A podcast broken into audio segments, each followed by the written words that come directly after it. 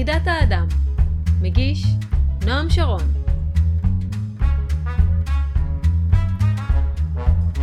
לומד האדם להכיר את עצמו, הופך את העצמיות בעבורו לעולם. לומד האדם להכיר את העולם, הופך העולם בעבורו לעצמיות. חידת האדם, פרק 20, על הספה עם רודולף שטיינר. חלק ראשון, טלי סלע. שלום וברוכים הבאים לפרק חדש ולמעשה עונה חדשה של חידת האדם, פודקאסט האנתרופוסופיה של הוצאת אדם עולם.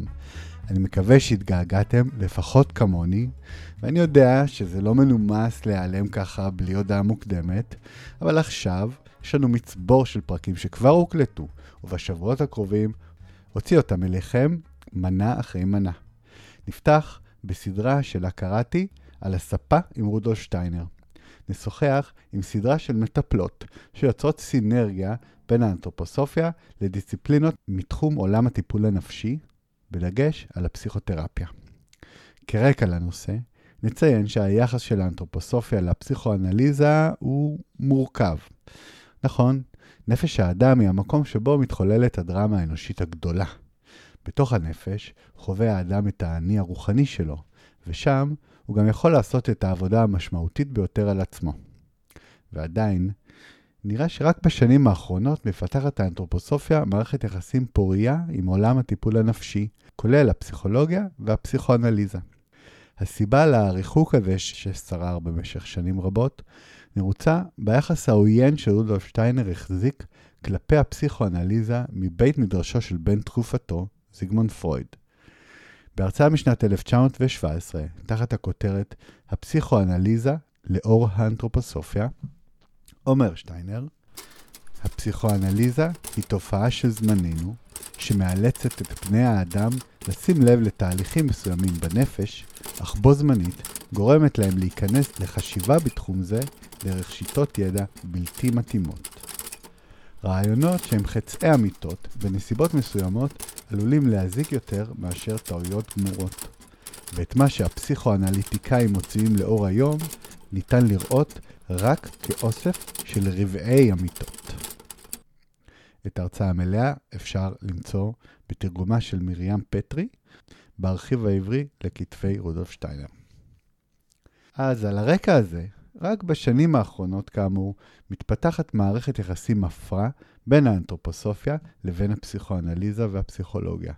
אחת המובילות של התחום הזה היא טלי סלע, מטפלת ביוגרפית מוסמכת מטעם Biography and Social Development Trust באנגליה, פסיכותרפיסטית מוכרת על ידי האיגוד הישראלי הרב-תחומי לפסיכותרפיה, בעלת רקע של לימודי פסיכולוגיה ופסיכולוגיה קלינית באוניברסיטה העברית, ודוקטורנטית במחלקה לפרשנות ותרבות באוניברסיטת בר אילן.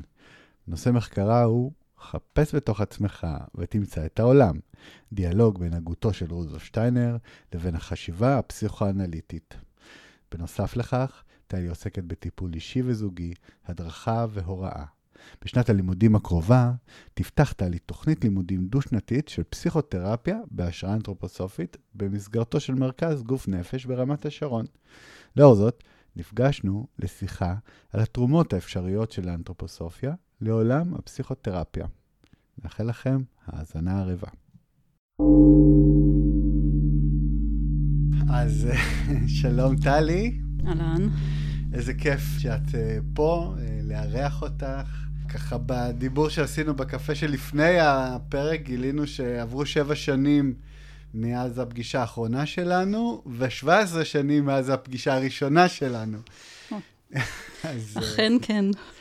הרבה זמן ו- וכיף כיף לראות. סתם אני ככה אגיד, גיל, בשביל הגילוי הנאות, טלי הייתה המורה שלי בשנה א', כשהייתי סטודנט, שנה א' בדוד ילין.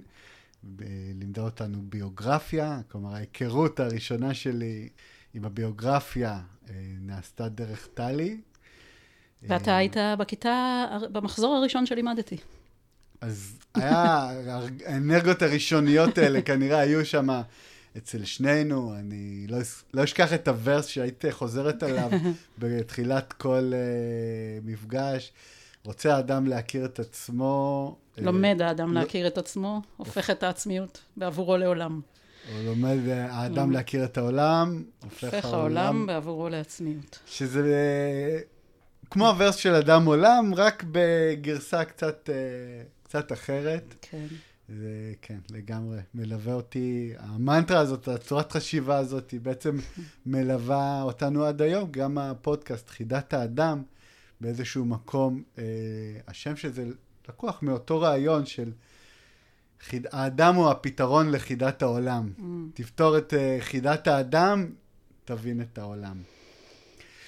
והסיבה שהביאה אותנו לשבת פה היום, זה בעצם גם חלק מהרצון המשותף של כולנו לקלף עוד שכבה מחידת האדם.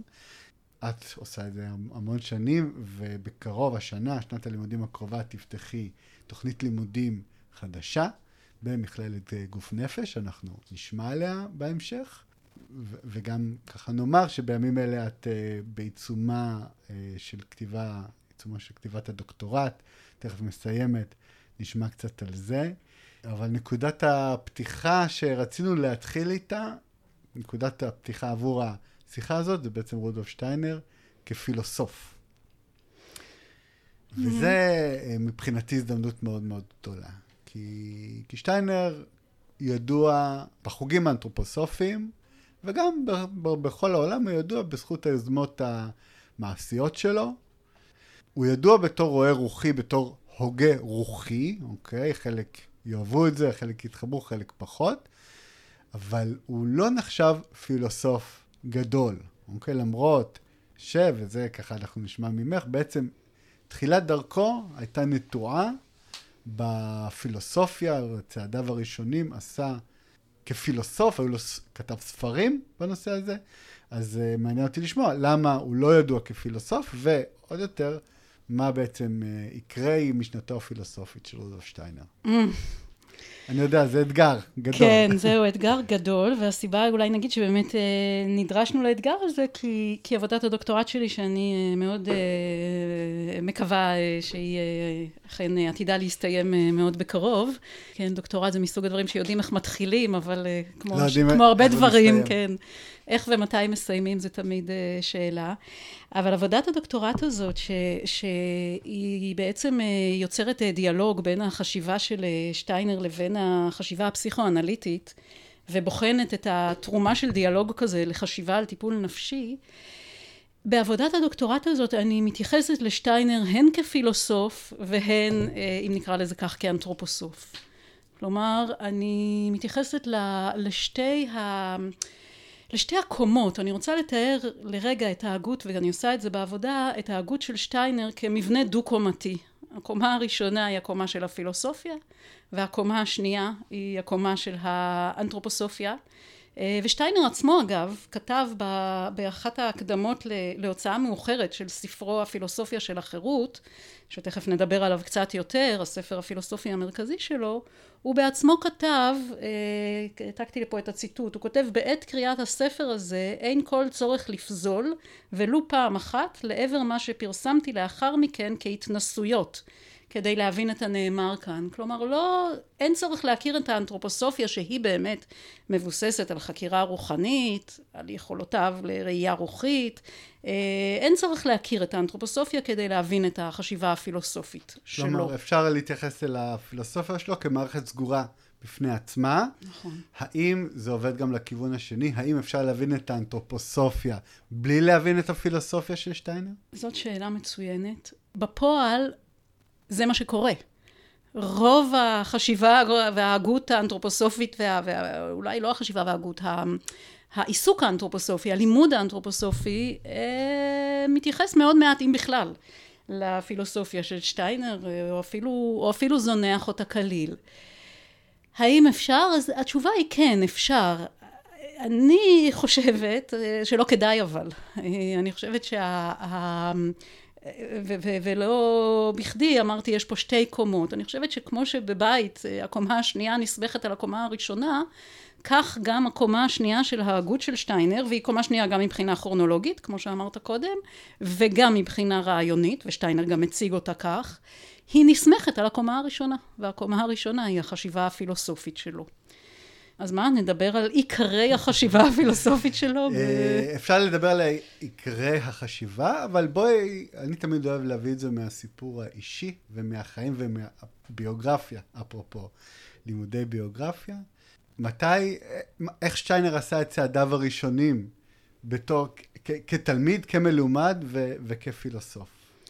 כן, אז אה, שטיינר אה, בעצם, אה, זה, זה די ידוע בביוגרפיה שלו, הוא לא למד פילוסופיה באוניברסיטה, הוא למד בטכניון של, של וינה, אבל שטיינר, כמו שטיינר, היה אוטודידקט בהרבה מאוד תחומים, במקביל ללימודי הלימודים הטכניים, לימודי הטכניון שלו, הוא השתתף בהרצאות באוניברסיטה בווינה, הוא היה, השתתף בהרצאות של פילוסוף מאוד ידוע באותה תקופה, פרנס ברנטנו, הוא, יצ... הוא השתתף בהרצאות של מי שדרכו, יוליוס שרויר, שדרכו הוא הגיע לעריכה של הכתבים של אה, גתה, והוא במקביל, כן, ל... ללימודיו, פיתח את, ה... את החשיבה הפילוסופית שלו, והגיש בסופו של דבר אה, דיסרטציה, כן, כלומר אה, עבודת דוקטורט, שהיום מוכרת כטקסט שנקרא בעברית אמת וידע, או כן. אמת וידיעה. אמת וידע, אמת וידע. תחת השם הזה זה פורסם, זה קיים בעברית, יצא כן. בהוצאת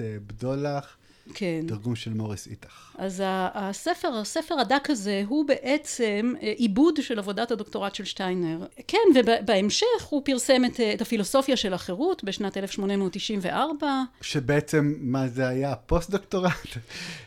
שטיינר לא נשאר באקדמיה, uh-huh. אז, אז זה לא פוסט-דוקטורט. ברור, אני לא יודע אם היה פוסט... כן. מה זה? אם היה בכלל קיים המושג הזה. גם, כן, שאלה מעניינת. זה פשוט ספר שהוא כתב? הוא, הוא כתב את הספר הזה כהמשך לחשיבה שלו, שאותה הוא מציג בעבודת הדוקטורט שלו, כהמשך גם לחשיבה שלו על הכתיבה המדעית של גתה, שהוא היה מאוד מאוד מאוד אה, עסוק בה בשנים לפני הדוקטורט, לפני שהוא הגיש את הדוקטורט. אה, והפילוסופיה של החירות במובן מסוים, אפשר להגיד, זה המגנום אופוס שלו מבחינתו, זאת אומרת, זה הספר, ודאי הפילוסופי, אבל אולי, אולי גם לא רק הספר הפילוסופי המרכזי שלו, אלא בכלל אפשר להגיד הספר המרכזי שלו מבחינתו. זה הספר שהוא אמר עליו פעם אחת ששאלו אותו, מה יישאר אחריך, נכון. דוקטור? הוא אמר הפילוסופיה של החירות. נכון. חייב להודות שבאופן אישי, ממבט, נקודת מבט של מאה שנים פלוס, נראה שהוא פספס פה. שאלה מעניינת. אה, כלומר, בוא נגיד, ברור שמכירים את שטיינר הרבה יותר דרך, ה, דרך הזווית האנתרופוסופית, דרך ה, כמובן היישומים של, ה, של החשיבה האנתרופוסופית שיש, שיש רבים כאלה, אה, תחום החינוך בראש ובראשונה. האם הוא פספס? אולי, לא יודעת, נראה, ימים יגידו. אני באופן אישי סבורה שזה ספר פילוסופי מסעיר, אה, ושזאת פילוסופיה אה, מסעירה. אני מקווה, ואולי זה באמת הרגע להגיד, שאני מקווה שחקירה אקדמית, ולא רק התייחסות לשטיינר בתוך המעגלים האנתרופוסופיים, אלא חקירה אקדמית של, של ההגות של שטיינר, וההגות של, הפילוסופית של שטיינר היא הגות שראויה מאוד לחקירה אקדמית. אני מקווה שחקירה כזאת תוציא, תוציא את ההגות הזאת גם יותר, אה, איך נגיד, יותר לאור. אוקיי, okay, אז בואי אני אקשה, אני אקשה רגע עלייך ואני אשאל. שוב, יותר ממאה שנה עברו מאז שהספר הזה נכתב. והוא לא זכה ליחס רציני בעולם האקדמיה. את יכולה לחשוב על הסיבה לכך? כן, אני חושבת שהסיבה בסופו של דבר היא די, היא די, די ברורה. אה, נדמה לי שהיא קשורה באמת במעבר ששטיינר עשה בראשית המאה, אה, בראשית המאה העשרים, מהגות אה, פילוסופית. אה, כן, שעשרים השנה אפשר להגיד שלפני כן, מ-1880-81, רוב העבודה שלו הייתה בתוך התחום העיוני, האקדמי, הפילוסופי. והחל מראשית המאה הוא אה, אפשר להגיד חצה את הקווים, אני עושה פה אה, סימן כזה של מרכאות, ועבר ל, ל, למה שאנחנו קוראים, יכולים להתייחס אליו כאל חקירה רוחנית, אה, להגות שמבוססת על חקירה רוחנית ועל התנסות בממדים אה, שלא אה, נתונים לתפיסה החושית הרגילה של רובנו. ואז הדימוי שלו, מהדימוי שלו כהוגה, כמדען, כפילוסוף, כן, הופך נפגע. להיות, נפגע, הופך להיות הדימוי הלא כל כך מכובד שהיה אז ויש גם בימינו לאדם ש, שעוסק אה, בתורת הנסתר. כן צריך להגיד ששטיינר היה, שוב אמרתי, הוא היה תלמידו של פרנס ברנטנו, יש לא מעט אנשים שהיו תלמידים שלו, ביניהם הפילוסוף הוסרל, ופרויד היה תלמיד שלו, ומסריק היה תלמיד שלו, וגם שטיינר. מסריק? מרחוב מסריק? גם מסריק, ההוא מהרחוב, כן. וש, ושטיינר אה, אה, היה בקשר עם, אה, עם פילוסוף אה, נוסף, ידוע בין התקופה, אה, אדוארד פון הרטמן. הוא הקדיש לו את הוא ה- הקדיש לו גם, נכון. והוא התכתב איתו לא מעט, יש אה, ב- ביוגרפיה של שטיינר הוא מספר על, ה- על ההתייחסויות ש- שהרטמן, שפון הרטמן כתב לו כשהוא פרסם את הפילוסופיה של החירות. כלומר, מאדם שהיה מאוד מעורה במעגלים ההגותיים, הפילוסופיים, האקדמיים אה, של אותה תקופה, הוא, אה, כן, הדימוי, כמו שאמרנו, הדימוי שלו ככזה עבר, אה, עבר שינוי. חצה את הקווים, נשרף, ומאז לא לוקחים אותו ברצינות. אוקיי. במובן מסוים, אני חייבת להגיד שיש היום, מעט אמנם, מעט ולטעמי מעט מדי, אבל, אבל כן באופן הולך וגדל, כן חקירה אקדמית של שטיינר, גם אה, מעט מאוד במקומותינו, כן, אה, בארץ, אה, ו- וה- ועיקרה, שוב, מדובר על חוקרים ספורים, אבל קיימים כאלה, היא בשפה הגרמנית, ולכן אנחנו גם פחות מכירים את זה. אה, אבל כן יש התייחסות, יש עכשיו, אני לא יודעת אם אתה שמעת, יש פרויקט גדול, כריסטיאן קלמנט עומד בראשו, אה, הוא פרופסור אה, באוניברסיטה בגרמניה, שמוציא לאור אה, כבר אה, כמעט עשר שנים, תשע שנים, נדמה לי מ-2012 זה התחיל, אה, מהדורה מדעית של כתבי אה, שטיינר. מהדורה מדעית, דהיינו מהדורה שמשווה בין הגרסאות השונות ו... אה, ועומדת על אה, כל מיני שינויים מה ותהליכים. ששטיינר עשה לגתה, עכשיו עושים לשטיינר. יכול להיות שטיינר, כן, אולי אפשר להגיד שזה דומה. אה, אז יש, יש, אה, ככה, ה- ה- שטיינר נכנס יותר לתוך, אה, מותר לדבר על שטיינר באקדמיה, אבל כאמור זה באמת אה, קטן וזה התחלות, אה, זה התחלות קטנות. אוקיי. הגדרת מקודם את הפילוסופיה של שטיינר כמסעירה בעינייך. ועכשיו אני אשמח לשמוע מה מסעיר. מה מסעיר אותך? כן, אז אה, באמת, אה, ב- בפילוסופיה של החירות, אמרתי, שטיינר מבטא את, ה, את הטיעונים הפילוסופיים המרכזיים שלו, ואני אנסה, כמובן, במסגרת הפלטפורמה הלא מאוד אה, רחבה שיש לנו, להגיד משהו עליהם. ואולי נתחיל ככה, בשביל להבין את הטיעונים הפילוסופיים המרכזיים של שטיינר, אה, צריך להגיד מילה על הגישה המרכזית בפילוסופיה המודרנית ביחס לשאלה שאנחנו קוראים לה שאלת ההכרה. כלומר, השאלה, מה אדם יכול לדעת על העולם? אוקיי, ובהקשר הזה אולי שווה להגיד שבעצם עוד לפני ספ... ספרות הפילוסופיה, הייתה לשטיינר ספרות, הספרים הכי ראשונים שלו, כתב בגיל 24, 25 בערך, היו קווי יסוד לתיאוריה של ההכרה. כלומר, היו ספרים על תורת ההכרה. אפיסטימולוגיה. אפיסטמולוגיה. הספר הזה שאתה הזכרת הוא, הוא ספר שהיה כרוך בעבודה שהוא עשה על הכתבים המדעיים של גתה ובעצם כשהוא אה, הבין שכדי להבין את החשיבה המדעית של גתה באמת צריך לייצר כמו שאמרת אפיסטמולוגיה תורת הכרה מה אדם יכול לדעת על העולם נכון הניצנים של תורת ההכרה של שטיינר נמצאים באמת בעבודה שלו על הכתבים של גתה. בהמשך באמת וידע ובפילוסופיה של החירות הוא מפתח את, ה, את, הפילוס, את החשיבה הזאת לפילוסופיה עצמאית שמתנתקת מגתה ועומדת בפני עצמה. אז אמרתי הגישה אנחנו צריכים לשאול את עצמנו מה הייתה הגישה הרווחת והגישה הרווחת היא הגישה ביחס לשאלה הזו בפילוסופיה המודרנית היא כמובן הגישה הקנטיאנית ואם רגע נגיד במילים פשוטות את מה שקאנט טוען בספר הידוע שלו ביקורת התבונה הטהורה שזה ספר שהושווה פעמים רבות למהפכה הקופרניקאית כן בתחום הפילוסופיה. בתחום כן. הפילוסופיה כן קופרניקוס טען ש, שהארץ מסתובבת סביב השמש ולא ההפך וקאנט טוען שמה שאנחנו יודעים על העולם זה לא, זה לא מה שהוא מכנה הדברים כשהם לעצמם, אלא בעצם את האופן שבו הדברים האלה מופיעים בתודעה שלנו. אוקיי? זאת אומרת, הפילוסופיה של קאנט היא יוצרת הפרדה, הפרדה ברורה מאוד, בין מה שקיים בעולם, הדברים כשהם לעצמם, כן? הדברים כמו שהם קיימים בעולם, לבין הדברים האלה כמו שאנחנו מכירים אותם בתודעה שלנו.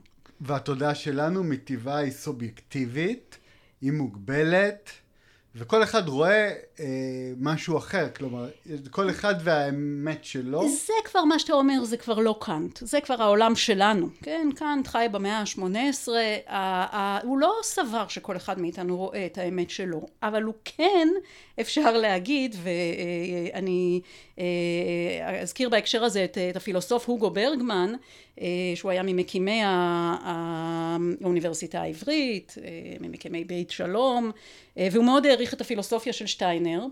באחת ההרצאות שלו ברגמן בהרצאה שהוא נותן לרגל 150 שנה למותו של קאנט אז זה יוצא 1954 הוא נותן הרצאה שנקראת בדידותו של הסובייקט בביקורת התבונה הטהורה שהסובייקט הוא האדם שה... עצמו והוא אומר שם, כן, שהתורה של קאנט סוגרת את האדם בתוך מערה שנקראת סובייקט.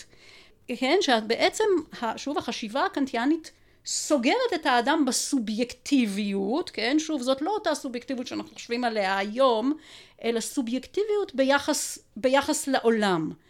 ושבעצם, הוא אומר שם ברגמן, שקאנט מוותר על, על ידיעת האמת אה, כמו שהיא לעצמה, שהיא בעצם המטרה של כל, אה, של כל הכרה, של כל פילוסוף, של כל, של, אפשר להגיד של כל אדם. אז מה, ומה שברגמן אמר שם זה בעצם גם מה ששטיינר אומר בביקורת שלו על ביקורת התבונה הטהורה. לגמרי. זאת אומרת, אה, ברגמן בהרצאה הזאת הוא מזכיר את שטיינר, אבל הוא לא אומר שבעצם הוא מבסס את כל הטיעון שלו על שטיינר, ו...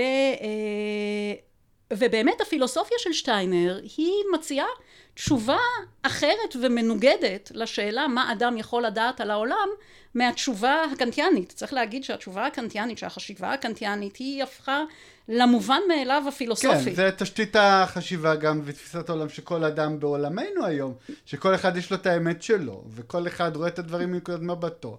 כשאנחנו מסתכלים על אותו דבר, אבל אתה יכול לראות את זה כחול, אני יכול לראות את זה אדום, כי זה סובייקטיבי, זה בעיניים. שלי. שוב, זה כבר לא קאנט. לא, לא, אני, לשם זה התפתח. לשם זה התפתח. כלומר, קאנט, החשיבה שלו היא המובן מאליו. פעם שמעתי הרצאה של איזה מרצה לפילוסופיה, ומישהי שאלה אותו בקהל, תגיד, אתה קנטיאני? אז הוא אמר לה, אני קנטיאני כמו שאת קנטיאנית. אין, אין, אין בינינו מי שאיננו קנטיאני היום. זאת אומרת, זה המובן מאליו הפילוסופי וגם ה-common sense של, ה, של החשיבה במידה רבה אה, בימינו. אוקיי. אה, ושטיינר בעצם יוצא נגד זה. מה, מה שטיינר אומר? ואז מה, מה, מה שטיינר אומר, אומר בעצם, כן? אז שטיינר אה, מתאר לנו את האופן שבו אדם יודע את העולם כמחולק לשני, אה, כמגיע משני מקורות, מגיע משני אה, ערוצים. הוא אומר, אנחנו תכף נראה איך זה שונה מקאנט. הוא אומר, אנחנו מכירים את העולם דרך זה שאנחנו חשים אותו, מקבלים את, ה, את הרושם, את ההתרשמות, כלומר, את התחושה. דרך החושים, עולם החושים זה איזשהו פתח לעולם. נכון. והמקור השני הוא החשיבה, אוקיי? היכולת של אדם לחשוב, כן, והיא היכולת של האדם בלבד, כן, היא אה, מה שהופך את, ה, אה, את ה, האופן שבו שטיינר מבין את היכולת של אדם לחשוב, היא מה שהופך את, ה, את הפילוסופיה שלו למנוגדת לחשיבה הקנטיאנית. כי כששטיינר מדבר על החשיבה, הוא מדבר על מימד שהאדם אה, יוצר באופן אקטיבי בתוכו, כן? בניגוד לקליטה החושית שאנחנו פסיביים ביחס אליה, היא קורית, כן? החשיבה היא משהו שאנחנו יוצרים באופן אקטיבי. אבל, ופה האבל הגדול, החשיבה שלנו שאנחנו יוצרים אותה בתוכנו היא לא סובייקטיבית, היא מצויה בעולם, מחוצה לנו. כן? שטיינר מדבר על חשיבה ככוח שמצוי בעולם, אפשר להגיד את זה בצורה יותר מדויקת, כמהות הפנימית, כחוקיות הפנימית של כל דבר בעולם, לחוקיות הפנימית הזאת שמצויה בתוכם של הדברים עצמם, שטיינר קורא חשיבה. כן? החשיבה הזאת מצויה בהכל. כן? היא שוב, היא, ה, היא המהות, אם, אם נרצה, כן, בפילוסופיה של החירות הוא לא קורא לזה כך, אבל בהמשך הוא כן יקרא לזה כך, היא הרוח. היא הרוח של הדברים שמצויה בתוך הדברים עצמם. אצל האדם החשיבה הזאת, הרוח הזאת, יודעת להיות פעילה, כן? והיא מתבטאת ביכולת שלנו לחשוב מחשבות. אוקיי? זאת אומרת שיש לנו פה תפיסה פילוסופית שאומרת שהחשיבה היא כוח שגם קיים באופן פעיל באדם וגם בעולם, כן? ומזה נובע שכשאדם חושב, כן? כשאדם חושב על הרשמים שלו, יש, קיים בו הפוטנציאל לידיעה של המהות. כי שוב, החשיבה היא היא המהות. כן? החשיבה שהיא המהות של הדברים מתגלה לאדם כשהוא מפעיל את החשיבה, אה, את החשיבה שלו. כן? ובזה שטיינר בעצם מבטל את, ה... את ההפרדה שהחשיבה הקנטיאנית יוצרת בין האדם והתודעה שלו לבין העולם. אוקיי, okay, בואי נעצור פה רגע, אמרת פה עכשיו דברים מאוד מאוד מורכבים, ועבור המאזינים שלנו, בואי ננסה לחזור על זה שוב, mm-hmm. כדי להבין שאנחנו על אותו קו. בעצם, הוא מתאר את החשיבה כמשהו שמצד אחד האדם אה, מחולל בתוך עצמו, mm-hmm. מצד שני זה משהו שקיים בעולם, ונמצא בעצם בתשתית של כל תופעה שאנחנו mm-hmm. רואים, בתשתית של כל דבר, בכל תמונה, בכל קיר, באבן יש, בבסיסה יש חשיבה, וכשאנחנו חושבים, אנחנו מתחברים mm-hmm. אל המהות של הדברים, ובכך אנחנו בעצם מתאחדים עם האבן הזאת שאנחנו חושבים עליה, נהיים איתם מאוחדים בחשיבה, ברוח. כן, אנחנו אה, אה, אה, תכף נגיד משהו על העניין של האחדות, אבל לפני שנגיד על האחדות, אנחנו, כשאנחנו מגלים באמצעות החשיבה שלנו את המהות הפנימית של הרוח או של האבן או של עצמנו או של אדם אחר לצורך העניין, אנחנו בעצם באים במגע עם אותה מהות פנימית. כלומר, בניגוד לקאנט, יש לנו אפשרות, ונדגיש שזה פוטנציאל, זה לא נתון לנו, כן? אבל יש לאדם אפשרות פוטנציאלית לדעת את המהות. Okay. אוקיי. המהות לא נשארת משהו שם בעולם שלעולם לא נדע אותו. זה בעצם ההבדל הגדול, שכאן נכון. אומר, יש מגבלות לידע האנושי. נכון. ושטיינר אומר, אין מגבלות, פשוט צריך להגיע אל המקומות שבהם אנחנו מתאחדים עם הידע העליון, וזה מזכיר לי קצת את מה שהוא כותב בתחילת uh, כיצד קונים uh, דעת העולמות עליונים, mm-hmm. שברשותו של כל אדם קיימת היכולת לדעת את ה... עולמות עליונים. עולמות עליונים, שזה בעצם אולי גולת הכותרת של הדרך האיזוטרית שלו, אבל היא נמצאת בבסיס בגולת הכותרת של הדרך הפילוסופית שלו, זה בעצם בדיוק. אותו רעיון. ופה אנחנו רואים איך הקומה הראשונה mm-hmm. מנכיחה גם את הקומה השנייה. נכון, למעשה. נכון מאוד. נכון, עכשיו, ה, ה, אז, אז אמרנו, אז לאדם יש פוטנציאל, וחשוב להדגיש את המילה פוטנציאל, כי אחת הביקורות שנשמעות, שיכולות לשמוע ונשמעות על שטיינר זה מה, כן, אז אדם נתונה לו ידיעה מהותית של העולם, לא, ברור שלא, כן? והזכרת ובצדק את כיצד קונים דעת העולמות העליונים כדי להגיד שיש פה חשיבה שהיא התפתחותית. אדם יכול להתפתח יותר ויותר אל עבר ידיעה שהיא יותר ויותר מהותית. זה לא משהו שהוא אה, אה, קיים בו מעצמו. עכשיו באמת הדבר השני שחשוב לשים לב אליו בהקשר הזה הוא באמת איזו, אה, איזו תפיסת עולם ואדם נגזרת מה, מהצורת הבנה הזאת של, ה, של החשיבה. כן, אמרנו שהפילוסופיה של שטיינר מתייחסת למהות הפנימית של הדברים, אפשר לקרוא לה לרוח, והמהות הפנימית הזאת לא נמצאת איפשהו באיזה עולם אידאות, או באיזשהו עולם רוח שהוא חיצוני לעולם, כן? המהות, הרוח, ששיינר קורא להן חשיבה, נמצאת בתוך הדברים עצמם, כן? וזה באמת לוקח אותנו להבנה שאם הרוח נמצאת בהכל, אז הכל הוא אחד. כן? אם הרוח, אם המהות הפנימית נמצאת בעולם והיא נמצאת גם באדם, אז אדם ועולם אחד הם. כן? כלומר, תורת ההכרה הזאת, אפשר להגיד, היא מבססת תורת יש, כן? אם אמרנו תורת ההכרה זאת אפיסטמולוגיה, תורת היש זאת אונתולוגיה, ותורת היש, כלומר האופן ששטיינר חושב ומתאר אדם ועולם, היא תורה אחדותית. כן? היא אומרת, המימד המהותי של הדברים הוא אחד והוא מצוי בכל.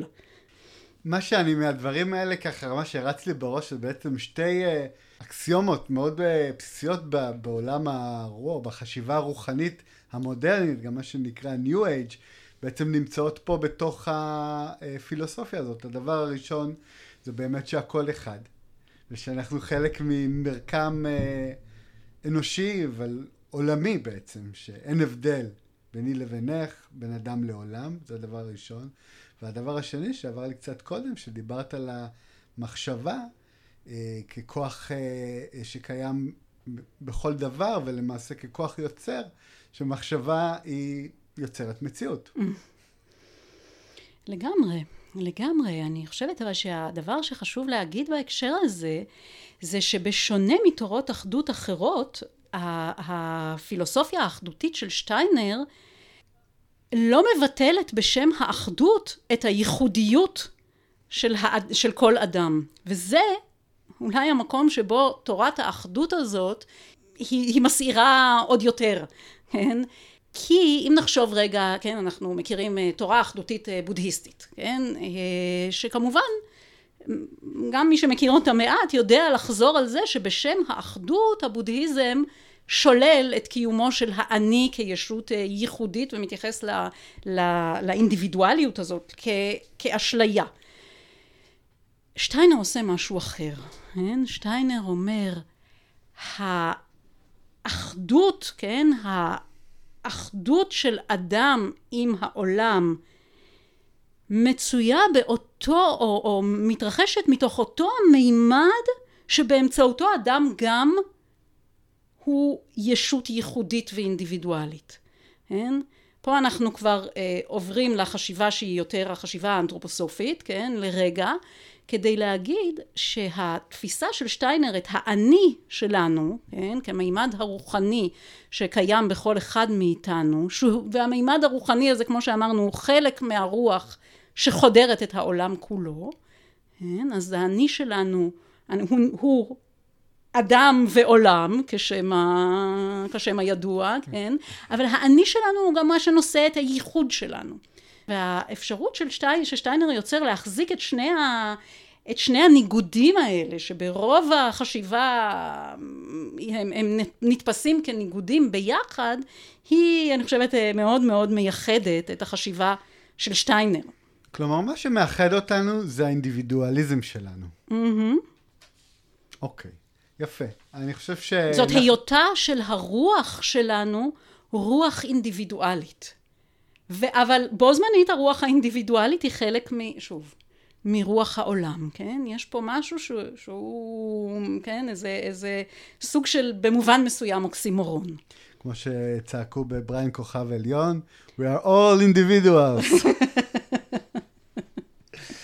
אוקיי, okay, אז אנחנו, אני חושב שהנחנו את התשתית זה ברור שרק זה יכול לזכות לא לפרק שלם, לסדרה של פרקים להבין ולחדור יותר לעומק אל הפילוסופיה של שטיינר, אבל אנחנו אה, נסיים פה ופשוט נמליץ למי שרוצה אה, להעמיק יותר, לקרוא את אה, הפילוסופיה של החירות, אמת וידע, קווי יסוד להכרת התורה של ההכרה, ויש עוד ספר לדעתי. חידות הפילוסופיה. חידות הפילוסופיה. אולי רק נגיד, רק כדי לה, באמת להזכיר את זה, לא להיכנס לתוך זה, אבל של, ל, ל, למה, ש, למה שתיארנו פה כעיקרים הפילוסופיים שלו, יש גם השתמעויות במישור האתי, כן, המוסרי, הספר נקרא הפילוסופיה של החירות, כן, שטיינר מבסס על התפיסת, תפיסת האחדות הזאת, הוא מבסס תפיסה שבעצם יוצרת זהות בין חירות לבין מוסריות. כן. וזה, כמו שאמרת, נשאיר לאנשים... זה נושא אחר, ואגב, כן, יש גם מאמר שיפתח בן אהרון כתב לגיליון חירות של אדם עולם שיצא לא מזמן, שגם שם יש mm-hmm. איזושהי הרחבה ונגיעה בפן החירותי של הפילוסופיה של החירות, כלומר עסקנו בפילוסופיה של החירות, יש גם את החירות שבפילוסופיה של החירות, mm-hmm. אבל בעצם מה שמעניין במה שאנחנו, שאת מביאה, או שככה, בעצם היכולת לקחת את הפילוסופיה ואת תפיסת העולם האחדותית הזאת, לדוגמה, וליישם את זה בתחום הטיפול הנפשי. Mm-hmm.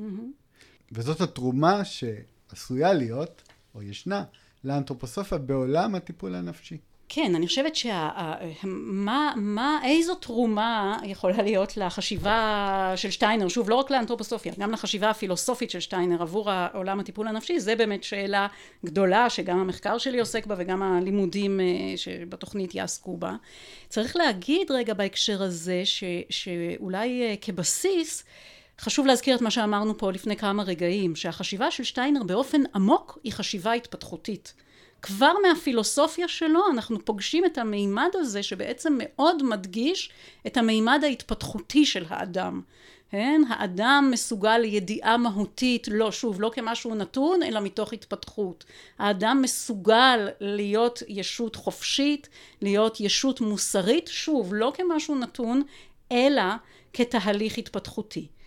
וכמובן שהתורה האנתרופוסופית לוקחת את, ה, את, ה, את התפיסה המהותית ההתפתחותית הזאת והופכת אותה לתורה, כן? לתורת התפתחות, אנחנו קוראים לה התורה הביוגרפית, כן? שמתארת את אפשרויות ההתפתחות של אדם לאורך חייו וכמו שכבר אה, עולה מתוך הדברים שכבר אמרנו, האפשרויות ההתפתחותיות ששטיינר מקנה לאדם לאורך החיים הן, אה, הן נרחבות מאוד.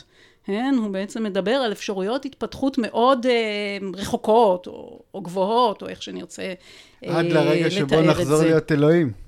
אני מקווה שנשאר בני אדם האמת, אבל אה, עד לרגע שבו נוכל אה, להיות בני אדם במובנים עוד הרבה יותר עמוקים. אז, אז, אז שוב, אני, התפיסה ההתפתחותית זה משהו שבאופן אה, טבעי הוא מאוד אה, משמעותי עבור חשיבה, חשיבה טיפולית. כן? כלומר, יש פה תורה ששמה במרכז שלה, כמו שאמרנו, באופן מאוד עמוק חשיבה, חשיבה התפתחותית. כן, אז נדבר על, ה, על התרומות שיכולות להיות לשדה הטיפול הנפשי. אולי נתחיל ככה. השדה הטיפולי, ו- ואני אזכיר עכשיו, אמרתי קודם שהדוקטורט שלי עוסק בדיאלוג בין החשיבה של שטיינר לבין החשיבה הפסיכואנליטית. החשיבה הפסיכואנליטית נכנסת פה כי היא uh, התשתית למעשה לכל חשיבה טיפולית באשר היא. כל חשיבה טיפולית שגם אם היא מתרחקת מאוד מההמשגה הפסיכואנליטית היא מבוססת עליה. אז השדה הטיפולי והחשיבה הפסיכואנליטית שנמצאת אה, בבסיס שלו, כמו שאמרתי, הוא באופן טבעי עוסק הרבה בשאלות, או לא בשאלות, אלא במושגים של האני, של העצמי, דבר נוסף, השדה הזה אה, מתייחס לא מעט לתהליכים ש... ויוצר מושגים שמתארים תהליכים שמתרחשים בין אדם לאדם אחר, כן? אפשר להגיד, הוא מתייחס לא מעט לקשרים ולמערכות היחסים של הנפש האנושית, של האדם, עם בני אדם, אה, עם בני אדם אחרים או עם העולם. אבל יש שאלות שנותרות, לטעמי לפחות, ללא מענה בשדה הזה. כלומר, מי הוא או מהו האני או העצמי? כשאתה קורא טקסטים שמתייחסים, לת... לש... שהם באים מהעולם הפסיכואנליטי או בכלל מהעולם הטיפולי, אז הרבה מדברים על האני והעצמי, אבל, אבל מי הם האני והעצמי האלה? וכשמתחילים לבדוק את זה גם רואים שתיאורטיקנים שונים מתייחסים לדברים מאוד שונים תחת אותה מילה. עוד שאלות שנותרות, אני חושבת, ללא, ללא מענה מספק, הן השאלות כיצד למשל מתרחש תהליך שבו אדם חווה בקרבו את החוויה הרגשית של אדם אחר. כשאדם חווה את החוויה הרגשית של אדם אחר, זה אמרתי עכשיו במילים פשוטות, אה, מושג אה, ש, שנקרא הזדהות השלכתית, מושג בשדה הטיפולי. איך זה קורה? איך זה קורה שבן אדם, לא כשבן אדם מספר לאדם אחר את החוויה הרגשית שלו, כן? לא, שבן אדם יכול לחוות את החוויה הרגשית של אדם אחר מבלי שהוא אה, דיבר עליה. או מה התשתית הפילוסופית למושגים הידועים מאוד של וויניקוט, כן? אובייקט מעבר, מרחב מעבר, מרחב ביניים, מושגים שהפכו להיות שגורים גם בחשיבה העממית. מה מסביר את, ה, את המושגים האלה שמתייחסים בעצם לזה שיש איזשהו מרחב שהוא בין אני ללא אני, בין אני, אם נרצה להגיד את זה, לבין כך, לבין עולם. כן? מה, מה, מה יכול להסביר את המושגים האלה? ואני רוצה להציע שבהקשרים האלה יש לה, יש לה, משנה, יש למשנה של שטיינר הרבה מה להציע לחשיבה הטיפולית. אמ, כלומר, ברגע שמסתכלים על השדה הטיפולי בכללותו, אוקיי, mm-hmm. מה שאמרת, שמתבסס על הפסיכואנליזה, אבל צמח לעוד המון המון ענפים, mm-hmm. ברגע שלוקחים את כל השדה הזה, ומרכיבים את המשקפיים של האנתרופוסופיה, mm-hmm. ומסתכלים על זה מחדש, אפשר פתאום להבין הקשרים, תזות, נושאים, רעיונות בצורה חדשה, בצורה הרבה יותר אה, אה, קוהרנטית, אולי, או פתאום הדברים מתחילים אה, להתחבר. נכון, אני חושבת ששוב, זה מסתכלים לא רק, כמו שאמרנו, לא רק במשקפיים אנתרופוסופיות, אלא גם במשקפיים הפילוסופיות של שטיינר. מבחינתי כשאני אומר, אומר משקפיים אנתרופוסופיות, זה כולל זה את כולל. הפילוסופיה, כולנו קראנו את הפילוסופיה של החירות, ובאים איתה, הם שמים אותה בכיס. אני חושבת שהחשיבה האחדותית אה, של שטיינר היא באמת יכולה להיות תשתית פילוסופית למושגים שונים שקיימים בשדה הטיפולי, שבעצם מתארים את מערכת היחסים שבין אדם לאדם אחר, או אם נרצה להגיד את זה בצורה יותר רחבה, בין אדם לעולם, כן, והתרחשויות שונות שמת... שממשיגים אותם בשדה הזה, ולפילוסופיה של, לחש, לפילוסופיה האחדותית הזאת, או לחשיבה האחדותית הזאת, יש, כן, היא נותנת, היא נותנת לזה בסיס. היא מסבירה לנו למה זה יכול להיות. כן? היא מסבירה לנו מושגים שקיימים, על, על איזה בסיס הם אה, יכולים להתקיים. בנוסף, היא נותנת לנו גם תשתית מאוד אה, רחבה ומאוד עמוקה לחשיבה על, על העצמיות האנושית, שהיא כמובן נמצאת בבסיס של כל חשיבה טיפולית, כן? אתה, תהליך טיפולי עוסק בשאלות כאלה ואחרות של העצמיות, כן? ומושג האני של שטיינר אה, הוא, הוא מושג האני שהוא אפשר להגיד הוא מושג מפתח, כמו שאמרנו בהגות של שטיינר, הוא מאוד מאוד משמעותי בהקשר הזה. כשאני שומע אותך אומרת את הדברים האלה, מה שעובר לי בראש זה איך אפשר בכלל לנסות לעשות טיפול נפשי בלי להבין את הדברים האלה, בלי לקחת את המימד אה, האני, למשל, בחשבון. Mm. זה דבר ראשון שעובר לי. דבר שני שעבר לי, זה שבעצם, באמת, א', אנחנו רואים היום פתיחה מאוד גדולה בתוך האנתרופוסופיה להיכנס לתוך אה, עולם הטיפול הנפשי, דבר שלא קרה בעבר וגם לא קרה בימיו של שטיינר. שטיינר היה לו יחסים מאוד אה, מורכבים mm-hmm. עם הפסיכואנליזה, mm-hmm. שהתפתחה באותם שנים ובאותו אזור, בווינה. בסוף המאה ה-19, נכון. אוקיי? ש... פרויד ושטיינר אולי לא נפגשו, אבל הם ישבו באותו בית קפה. כנראה, כן, כנראה, אז, באותם בתי קפה. כן, אז זה בעצם משהו שכאילו תופעה של השנים האחרונות, שהתפתחה אה, על ידי ממשיכי דרכו, תרפיסטים אנתרופוסופיים, ו... ובעיניי זו תופעה מרתקת, שגם לאנתרופוסופיה יש הרבה מה, מה להרוויח בתוך הסיפור הזה. אני לגמרי, אני לגמרי מסכימה, אני חושבת שזה בדיוק, כן, אני בדיוק כך רואה את זה. כלומר, אני חושבת, אז אמרת קודם, איך אפשר לעשות טיפול נפשי בלי המושגים האלה, אז uh, העובדה היא שאפשר. זה לא עובד. ומה בואי, זה? העובדה שזה גם לא כל כך עובד. אני לא יודעת אם זה לא עובד. פעמים, זה עובד, אבל זה, לפעמים זה גם פשוט נתקע, וזה שהוא מגיע לאיזשהו מקום שכבר מעבר אליו אי אפשר ללכת. אולי, לפעמים, אבל, אה, אולי, אבל, גם, אבל גם לא תמיד, בהחלט לא. אולי תכף אה, נגיד משהו על זה שגם הפסיכואנליזה היא, היא, נמצא, היא תורה ו, וצורת חשיבה שנמצאת בתהליכי התפתחות אה, משמעותיים ומעניינים. אולי תכף, תכף נתייחס לזה. אבל אז אני אגיד בהקשר הזה שאני חושבת שבאמת ההשקפה, שהשקפת העולם ותפיסת האדם ש, שאפשר, שנובעות מהתורה של שטיינר, מהחשיבה של שטיינר, הן מבססות סוג של שפה. כן? ואני חושבת שהשפה הזאת היא מאוד מאוד מאוד משמעותית לשדה הטיפולי, כן? היא שפה שמתארת את התהליך שבו האני הייחודי של כל אדם, אפשר להגיד, מתגלה, מתממש במהלך החיים שלו.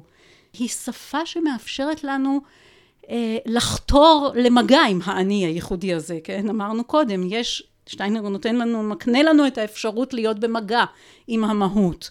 אז היא שפה שמאפשרת לנו לחפש את אפשרות המגע אה, הזה, ו, ולז, ו, ואת אפשרות המגע עם האני מבעד לגילויים ולהתבטאויות שלו, כן? בתהליכי חיים, בתהליכי התפתחות לאורך החיים. כן, היא שפה ש, שמאפשרת לנו לתאר תהליכי התפתחות, כן, אה, כמו שאמרתי, אה, היא שפה שהיא במהותה שפה התפתחותית, והיא חוקרת את ההתפתחות באופנים שמתייחסים הן לממדים הגופניים, הן לממדים הנפשיים, הן לממדים הרוחניים והן למערכות היחסים המורכבות והסבוכות אולי שקיימים בין, אה, בין הממדים השונים האלה. כן, היא שפה שאני חושבת שיכולה לאפשר לנו להתייחס לתהליך הטיפולי עצמו, לחיים בכללותם, וגם לתהליך הטיפולי עצמו, בעצם כתהליך של האני, כן, תהליך שיכול להביא אותנו במגע עם האני, לאפשר לנו מגע עוד יותר מהותי עם האני, אה, ש... עם מי שאני, עם מי שאנחנו, ועם בני אה, אדם אחרים. היא שפה שמאפשרת לנו לבחון איך התהליך הטיפולי מאפשר התפתחות מתוך מערכות יחסים בין אני ואני, כן? אני שהוא מטופל ואני שהוא, אה, שהוא מטפל. כן, עכשיו אתה באמת הזכרת וחשוב להזכיר ששטיינר הייתה לו אה, ביקורת, אה, ביקורת אפילו נוקבת על, ה, על החשיבה הפסיכואנליטית בת זמנו, כן? בכמה הרצאות שהוא אה, ככה נתן, אה, שאוגדו אחר כך גם ל, ל, באמת תחת אה, הכותר של משהו כמו אנתרופוסופיה ופסיכואנליזה, זה באנגלית, אני לא חושבת שזה יצא בעברית. הוא מבטא ביקורת מאוד... מאוד נוקבת. כן, נוקבת, זאת המילה. הוא תוקף, כמובן, את ההתייחסות הוא, של... הוא אוהב לתקוף. בואי. הוא אוהב לתקוף, אבל אני חושבת שמשהו באופן שבו הוא תוקף את הפסיכואנליזה הוא אפילו יותר מאשר, אה, מאשר השקפות אחרות. וזאת שאלה מעניינת, למה? למה הוא עושה את זה? אני תכף אקדים את המאוחר ותכף אחזור לפרט את הביקורת שלו, אבל אני אגיד שאני חושבת שהביקורת הזאת התרגמה באמת לזה שטיפול נפשי שמבוסס על האנתרופוסופיה במידה רבה זה התרגם, הביקורת של שטיינר התרגמה לסוג של התעלמות. מה, מהחשיבה הפסיכואנליטית ובכלל מהשדה הטיפולי. או אפילו אנטי. התעלמות ויותר מזה, אנטי, הנגדה, כן? אה, אנחנו, אה, אנחנו והם, זה בכלל כמובן אה, סכנה שיש לכל, לכל תורה רוחנית, אנחנו יודעים יותר טוב, וכן, ואנחנו מציעים טיפול יותר טוב, ואנחנו מציעים אפשרויות ש, שהחשיבה הטיפולית הרגילה, שוב במרכאות, לא מציעה, ואני חושבת שזו טעות. תכף נדבר קצת גם על, ה, על הפסיכואנליזה ומה קורה לה אה, בהקשר הזה. אבל שוב, אני חושבת שהביקורת היא, היא משמעותית וחשובה, רק אני, אני רוצה לתרגם אותה לא להתעלמות ול, ולהנגדה, אלא לדיאלוג. כן? לשיח. ומה יש לאנתרופוסופיה להרוויח מהדיאלוג הזה? אני חושבת שלאנתרופוסופיה אה, יש להרוויח את זה שה... תיאור של תהליכים נפשיים, אה, גוף הידע שהצטבר לאורך אה, מאה ומשהו שנים של, ה, של החשיבה הפסיכואנליטית, כן, החשיבה של פרויד היא, כמו שאתה אמרת קודם, היא איפשהו שם אה, התחילה באותו בית גידול. אה, באותו כמו, בית קפה. באותו בית קפה, כמו החשיבה של שטיינר, אמרתי קודם אגב, שהם למדו שניהם אצל הפילוסוף פרנס ברנטנו, לדעתי הם לא נפגשו שם כי אני חושבת שפרויד למד אצלו יותר מאוחר, אבל הם הסתובבו במעגלים מאוד קרובים, בווינה של סוף המאה ה-19, כן, אולי ישבו באותם בתי קפה, חל, היו, היו להם מכרים משותפים, לא מעט אפילו, הפילוסוף שציינו פרנס ברנטנו, יוזף ברויר, שהוא היה שותף של פרויד למש... למחקרים בהיסטריה, הוא, הוא היה, שטיינר הכיר אותו, הוא היה חבר של משפח, המשפחה ששטיינר עבד אצלה. משפחת שפרכט. שפכט, משפחת שפכט. אה, סטפן צוויג, הסופר הנודע, הכיר את שניהם, פרידריך אקשטיין, כלומר, שוב, אנחנו מדברים על, אה, על אותם כן, אה, חוגים, אותם כן. חוגים. אז מה יש, מה יש לאנתרופוסופיה להרוויח? התחלתי להגיד, אז, אז הידע ש, של, על, על הנפש, על התהליכים הנפשיים כשלעצמם, כן? הפסיכואנליזה, ה, לפחות במקור שלה, שוב, תכף נגיע להגיד כמה הפסיכואנליזה השתנתה מאז, במקור שלה היא לא מייחסת לנפש אה, מימד רוחני, אבל היא כן יודעת לתאר לא מעט תהליכים נפשיים, שהחשיבה האנתרופוסופית נמצאת בסוג של סכנה לעקוף אותם. כלומר, אחת הסכנות שאנחנו מדברים היום, לא רק בהקשר האנתרופוסופי, גם בכלל, כן, אה, אה, מציין אותה המושג אה, שהפך להיות מוכר, מעקף רוחני, כן, התייחסתי אליו במאמר שכתבתי לא מזמן לאדם עולם על ביוגרפיות, כמה בעצם הבנה רוחנית עלולה להתרגם באמת למעקף רוחני, למעקף של המימדים הנפשיים. כן? ואני חושבת ששוב, שדיאלוג ולא הנגדה בין תורה שכן, המנדט שלה הוא באמת חקר התהליכים הנפשיים, כן, הפסיכואנליזה, לבין, ה, אה, לבין האנתרופוסופיה הוא דיאלוג שיכול להיות מאוד, אה, מאוד פורה. עכשיו שוב, שטיינר כשהוא ביקר, צריך לזכור שהביקורת של שטיינר היא מראשית המאה, מ-1917, 1913, 15, זה התאריכים של ההרצאות ש, שהעיקריות שהוא נתן בהקשר הזה. היא ביקורת שמתייחסת לפסיכואנליזה בת זמנו אה, וכן הוא תקף את, ה, את ההתייחסות של פרויד לדחף המיני כמקור וכהסבר לתופעות נפשיות הוא טען באופן מעניין, כן, אפשר לשמוע פה את שטיינר הפילוסוף, הוא טען שהמקור של ההתייחסות הזאת זה בניסיון לחקירה ולידיעה של הנפש באמצעי הכרה בלתי מתאימים. אוקיי? זאת אומרת, מבחינת שטיינר צריך להכיר את הנפש באמצעים אחרים מהאמצעים הרגילים, ובוודאי מאלה שהחשיבה הפסיכואנליטית או הטיפול הפסיכואנליטי משתמש בהם. משתמש בהם. והוא ראה את המשיכה של אנשים רבים לתורה הפסיכואנליטית בעצם כחיפוש אחר בסיס רוחני לקיום. יכול להיות שהוא קצת קינה בה? יכול להיות. ש... ש... כן, קינא או לא קינא, אני לא יודעת, אבל בוא נגיד, אני חושבת שלא הייתה השקפת עולם שהעמידה ניגוד כל כך עז להשקפת העולם של שטיינר, כמו זו של הפסיכואנליזה בת זמנו, ואולי לכן הצורך הכל כך גדול שלו באמת לצאת שם לאיזושהי, אה, לאיזושהי מתקפה. כן, ובאמת אה, הפסיכואנליזה היא, היא הפכה להיות כוח אה, חזק בעולם. בוודאי היום, במבט לאחור, אנחנו יכולים להגיד שאם נרצה להגיד את זה כך במרכאות, לפחות על פני השטח, היא ניצחה. כן, הרבה יותר מכירים את החשיבה הפסיכואנליטית מאשר מכירים את זו של שטיינר. אבל, אה, אבל שוב, אה, אנחנו בחשיבה רוחנית תמיד חושבים ש, שכן, שהחשוב שה, באמת לפעמים סמוי מן העין, ושהשאלה היא לא מי ניצח, ושוב, שהאפשרות של דיאלוג היא, לי נראית האפשרות הכי, אה, הכי משמעותית פה. אוקיי, okay. ובעצם הדיאלוג הזה, זה מה שאת מציעה? זה מה שאת משתדלת להביא בעבודתך, במחקר שלך mm-hmm. ובתוכנית הלימודים שאת עכשיו אה, מקימה. נכון. נכון, נכון. אולי נגיד משהו באמת על העניין של, של דיאלוג, ונגיד את זה מההקשר של ה... מה, מנקודת המבט או מהזווית של החשיבה הפסיכואנליטית, כי כמו שהזכרתי כמה פעמים, זה גם זו לא חשיבה שקפאה על השמרים.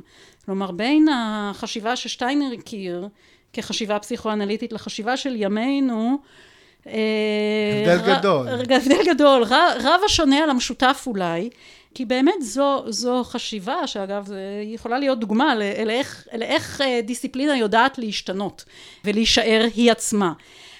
אבל זה לא הנושא שלנו, מה שכן צריך להגיד שבעשורים האחרונים כחלק מתהליכי השינוי שהחשיבה הפסיכואנליטית עוברת היא אה, מקיימת דיאלוג עם מגוון מאוד גדול של תורות ומסורות רוחניות כאלה ואחרות, כן? אה, אחת המסורות האלה ש, שהזכרתי קודם בהקשר אחר זה הבודהיזם שהדיאלוג בין הבודהיזם לבין החשיבה הטיפולית הוא בשנים האחרונות מוכר לנו מאוד מאוד בוודאי בארץ כן יש המון עיסוק בחיבור הזה אה, יש חוקר אה, נקרא אה, גדעון לב שטוען שמאז סוף המאה העשרים מתפתח בעצם זרם חדש בתוך העולם הפסיכואנליטי ולזרם החדש הזה הוא קורא פסיכואנליזה רגישה רוחנית, כן? spiritual sensitive psychoanalysis. כלומר פסיכואנליזה שמתייחסת שוב דרך דיאלוג עם מסורות שונות להיבטים רוחניים. אני חושב שפסיכולוגיה רוחנית זה מושג יותר פושט אולי, אבל הוא מאוד מאוד מוכר. יש הרבה פסיכולוגים שמגדירים את עצמם כפסיכולוגים אה, רוחניים. זה זרם שהתחיל עוד לפני סוף המאה ה-20, זה התחיל כבר עם אה, ויקטור פרנקל, תקני אותי אם אני טועה, אה, וויניקוט, אף אחד מהם, אף אחד מהם לא הגדיר את עצמו כ, כפסיכולוגיה רוחנית. אנשים, מגדיר, אנשים מטפלים שונים מגדירים את עצמם כפסיכולוגים רוחניים, אבל אין פה זרם אה, מובחן. אבל אה, כן, אלה זרמים שהביאו אלמנט שהוא נשגב מעל הנפש. נכון. משהו, קומה נוספת. אז שוב, אה, אה, כן, הפסיכואנליזה קיימות בה לא מעט קומות ולא מעט תיאורטיקנים ולא מעט אה, הגות שמתייחסת בצורות, שוב, בצורות כאלה ואחרות למימדים שהם, מה שאנחנו יכולים לקרוא להם מימדים רוחניים. כן, בהחלט, עכשיו באופן שהוא די, די מתמיהה בעיניי הזרם הרוחני שבבירור נעדר מהדיאלוג הזה, אם למשל תיקח את, ה, את המחקר של גדעון לב ותעבור, יש לו שם רשימה של הזרמים שאיתם הפסיכואנליזה קיימה ומקיימת דיאלוג. תמצא שם כל זרם רוחני שאתה יכול לחשוב עליו, כן, ממש, דאואיזם, אה,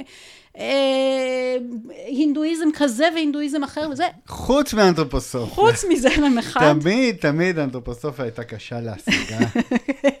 קשה להשגה. בדיוק, קשה להשגה, אה, זו דרך טובה לתאר את זה, ואולי, אה, ואולי מסתגרת, זאת עוד צורה אה, להגיד את אותו דבר. אה,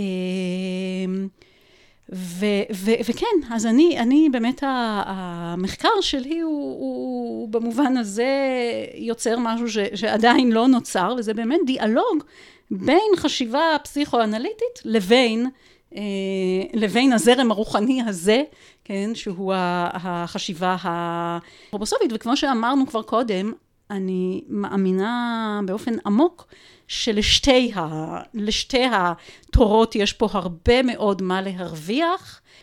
ושוב, שאין פה דיאלוג, זה לא, זה לא מצב שמישהו אחד בא ללמד את האחר, כן? זה חשוב לזכור, זה לא אנחנו יודעים אמת ואנחנו באים עכשיו להנחיל אותה ל... לא יודעת, לבורים ולנבערים האלה שלא מכירים אותה. דיאלוג כן? זה מושג שמבוסס על הבנה עמוקה שדברים מתפתחים מתוך, מתוך uh, שיחה, כן? דיאלוג, נכון? זאת מילה שמתייחסת, היא מורכבת משתי מילים, דיה שזו דרך ולוג שזה לוגוס, דיבור. היא מתייחסת למה שיכול להתפתח מתוך זה שאנחנו מדברים אחד עם השני. ואני חושבת שיש הרבה מה שיכול להתפתח מתוך הדיבור בין, ה, בין החשיבה האנתרופוסופית, בין החשיבה האחדותית של שטיינר לבין, ה, לבין הפסיכואנליזה. ואולי במובן רחב יותר רגע, באיזה זום אאוט למשהו שכבר uh, התייח... הזכרנו אותו קודם, אני חושבת ש... ש... uh, שהכנסה של התייחסות אקדמית. לחשיבה של שטיינר היא גם אפשרות uh, לחלץ אותה מהסכנה אה, של, אה, של דוגמטיות.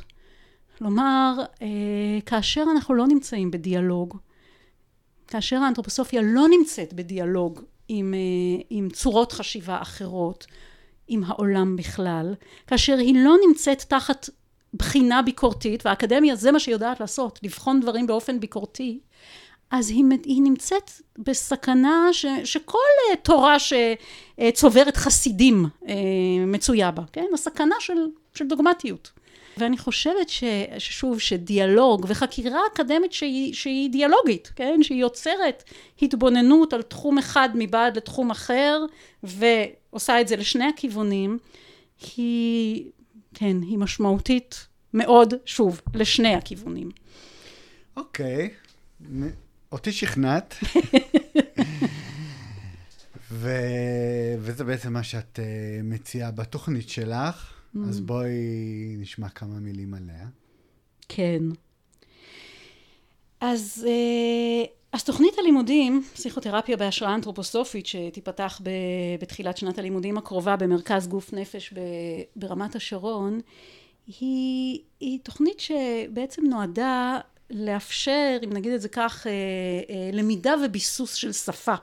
דיברתי קודם על, ה, על, על השפה שהחשיבה של שטיינר מציעה, ו, וכאן אני רוצה באמת ל, ל, להזכיר, ל, ל, ל, להגיד שהתוכנית הזאת בעצם מחפשת לאפשר אה, היכרות ולימוד והעמקה של שפה טיפולית ש, שמקבלת השראה מהשקפת העולם האחדותית ומהתפיסה ההתפתחותית של, של שטיינר, כן, התפיסה ההתפתחותית שהזכרנו קודם, שמתארת ועושה את זה ברזולוציה מאוד מאוד כזאת מקרוב, כן, את תהליכי ההתפתחות אה, ש, שאדם עובר אה, לאורך חייו ושאפשר להגיד שמבעדם שוב, אם מפתחים את השפה הזאת, את צורת החשיבה הזאת, אה, אפשר אה, לחפש, לחתור לאפשרות של אה, היכרות ומגע עם האני הייחודי שלו. אז זו תוכנית לימודים שמיועדת למטפלים, שנועדה לאפשר לאנשים שעוסקים בטיפול נפשי בצורות שונות, היכרות וכמו שאמרתי, ביסוס והעמקה של שפה טיפולית נוספת אה, שנולדת מתוך הדיאלוג שבין החשיבה של שטיינר לבין החשיבה הפסיכואנליטית. הלימודים בתוכנית, אולי אני אגיד, הם התקיימו בעצם בשני צירים אה, מרכזיים. הציר הראשון, קראתי לו אדם במימד הזמן. אה, הוא בעצם ציר הלימוד שמעוגן בתורה ההתפתחותית הביוגרפית. מה שנקרא ביוגרפיה. כן, או... מרוץ ביוגרפי. כן, אה, ייעוץ ביוגרפי זה, זה שם של, אה, של מקצוע, כן? אבל אה, ביוגרפיה אנחנו קוראים לצורת ה... לתורה הזאת, וה, ואני פה קראתי לזה אדם במימד הזמן, או צורה אחרת שאפשר לקרוא לזה, זאת בעצם חשיבה ביוגרפית למטפלים. ואני מדגישה את המילה חשיבה ביוגרפית, כי אני חושבת שיש הבדל גדול בין התייחסות לחשיבה ביוגרפית לבין התייחסות אל הביוגרפיה כאל ידע. שוב, כשחושבים על חשיבה או על שפה, כמו שאמרתי קודם, אז מבינים שיש פה משהו שהוא הרבה יותר מידע. הוא ממש צורת חשיבה. תפיסה התפתחותית מסוימת. תפיסה, יותר מתפיסה, שפה. שפה התפתחותית, שפה שיש לה מילים משל עצמה, ויש לה דקדוק משל עצמה, כן? חוקיויות שבאמצעותן המילים האלה קשורות אחת לשנייה, והלימודים פה יחתרו ל, ל, לבסס היכרות מעמיקה עם צורת החשיבה הזאת, עם השפה הזאת, כן? לא רק עם ידע, לא רק עם הביוגרפיה כידע, אלא באמת כ, כצורת אה, חשיבה, כן? אז אה, נכיר את האופנים שהחשיבה הביוגרפית שוזרת אה, את הדינמיקות והמקצבים השונים של התפתחות גופנית, נפשית, רוחנית לאורך החיים, נכיר את האופנים שבהם היא מתארת אה, את המאפיינים של תקופות חיים שונות, אה, נקודות ציון ספציפיות במהלכן, אה, וכמובן נחקור ונבדוק ונברר מה האופנים שבהם אפשר להשתמש בחשיבה ובשפה הזאת במסגרת העשייה הטיפולית, כן, או עבור ה... המעשה הטיפולי. אז זה ציר אחד. הציר השני ש... של הלימודים, קראתי לו חשיבה טיפולית של אחדות וייחודיות. כן? זה כמו שאמרנו קודם, דיברנו על, ה, אה, על, על, על העובדה שהחשיבה של שטיינר מחזיקה הן אחדות, הן ייחודיות, והציר הלימודי הזה יעסוק ב, בהשתמעויות הטיפוליות של תפיסה ש, שמתייחסת הן אל ישותו היחידנית והייחודית של כל אדם והן אל האחדות שבינו לבין העולם. אז אני מניח שבציר הזה התשתית היא באמת להבין את תפיסת העולם, את הפילוסופיה של שטיינר. להבין, כן, להבין את ה... את ה כן, להבין את החשיבה, את חשיבת האחדות אה, ואת האופנים, לא רק הפילוסופיים, אלא גם האנתרופוסופיים, שמתוכם אה, שטיינר מתאר את האדם על בסיס החשיבה אה, הזאת, כן. ולבחון שוב מה, מה נגזר מתפיסה כזאת עבור, עבור החשיבה הטיפולית, כן? מה נגזר מתפיסה אחדותית ביחס להבנה של מה שמתרחש בין מטפל ומטופל, כן? מה נגזר מתפיסה כזאת ביחס ל, למה יכול לאפשר תהליך טיפולי, מה הופך תהליך טיפולי לתהליך מרפא, כן? על בסיסה של תפיסה כזאת, כן? מה, מה אנחנו יכולים להכניס לתהליך הטיפולי מתוך הבנה כזאת, כן? איזה אפשרויות, אתה קצת הזכרת קודם, אה, ככה ברמז אולי, שיש אנשים שמגיעים לטיפול נפשי ומרגישים שזה, שזה מוגבל כי זה לא מתייחס לרוח. אה, אז כמו שאמרנו, יש, יש אפשרות להתייחס לרוח גם כמובן לא רק דרך האנתרופוסופיה, אבל, אבל באמת שפה שקושרת, ואחד הדברים המשמעותיים ש, ששטיינר, שהשפה של שטיינר מאפשרת לנו לעשות, זה לקשור בין תהליך רוחני לתהליך נפשי. ולהבין, אמרנו קודם, כן, שאין תהליך רוחני אמיתי בלי התפתחות נפשית, דיברנו קודם על, המעק, על סכנת המעקף הרוחני, וגם להפך, שבסופו של דבר תהליך נפשי משמעותי הוא גם תהליך רוחני, ואיך את, את ההבנות השונות האלה אנחנו מתרגמים לתוך אה, חדר הטיפולים, כמובן בהתאם למה שאדם שבא לטיפול רוצה ונכון לו ומתאים לו, אלה שאלות שגם בהן אה, נעסוק ב, בלימודים. וואו, נשמע מרתק. אה, התוכנית היא גם אולי קצת פרטים טכניים, זה יקרה ברמת השרון. יום בשבוע, ערב בשבוע, זה, במשך שנתיים. נכון, זו תוכנית שוב שהיא מיועדת למטפלים שיש להם אה, הכשרה אה, טיפולית, אה, כלומר פסיכולוגים, עובדים סוציאליים, קליניים, מטפלים באומנויות, יועצים חינוכיים, קהל המטפלים, פסיכותרפיסטים, קהל המטפלים הרחב שמעוניינים להכיר, כמו שאמרתי, את השפה הזאת זה אכן תהיה תוכנית אה, שתתקיים אה, במרכז גוף נפש שנמצא ברמת השרון אה, בימי רביעי בשעות הערב פעם בשבוע בימי רביעי בשעות הערב זו תוכנית של ארבע שעות לימודים במשך שנתיים. איתך, את המורה. אני המורה. וואו. כן, כן, אה, וכן, הפרטיים למיניהם, ההרשמה והכל נמצא כמובן אה, באתר, יש, אה, יש שם שאלו, שאלון שאפשר למלא, יש ערבים פתוחים לאנשים שמתעניינים בזה, יש כן. שיחות היכרות. כן. כל המידע הזה תוכלו המידע. לקבל גם במדיות השונות של אדם עולם. טוב, טלי, בלי לשים לב, עברה יותר משעה. וואלה. לא שמת לב, נכון? ככה זה כשנהנים. היה לי ממש ממש כיף אה, לשבת איתך שוב ולשמוע, ואנחנו נאחל לך המון בהצלחה. תודה רבה רבה, נועם, גם אני שמחתי ונהניתי על האפשרות וההזדמנות. תודה רבה רבה.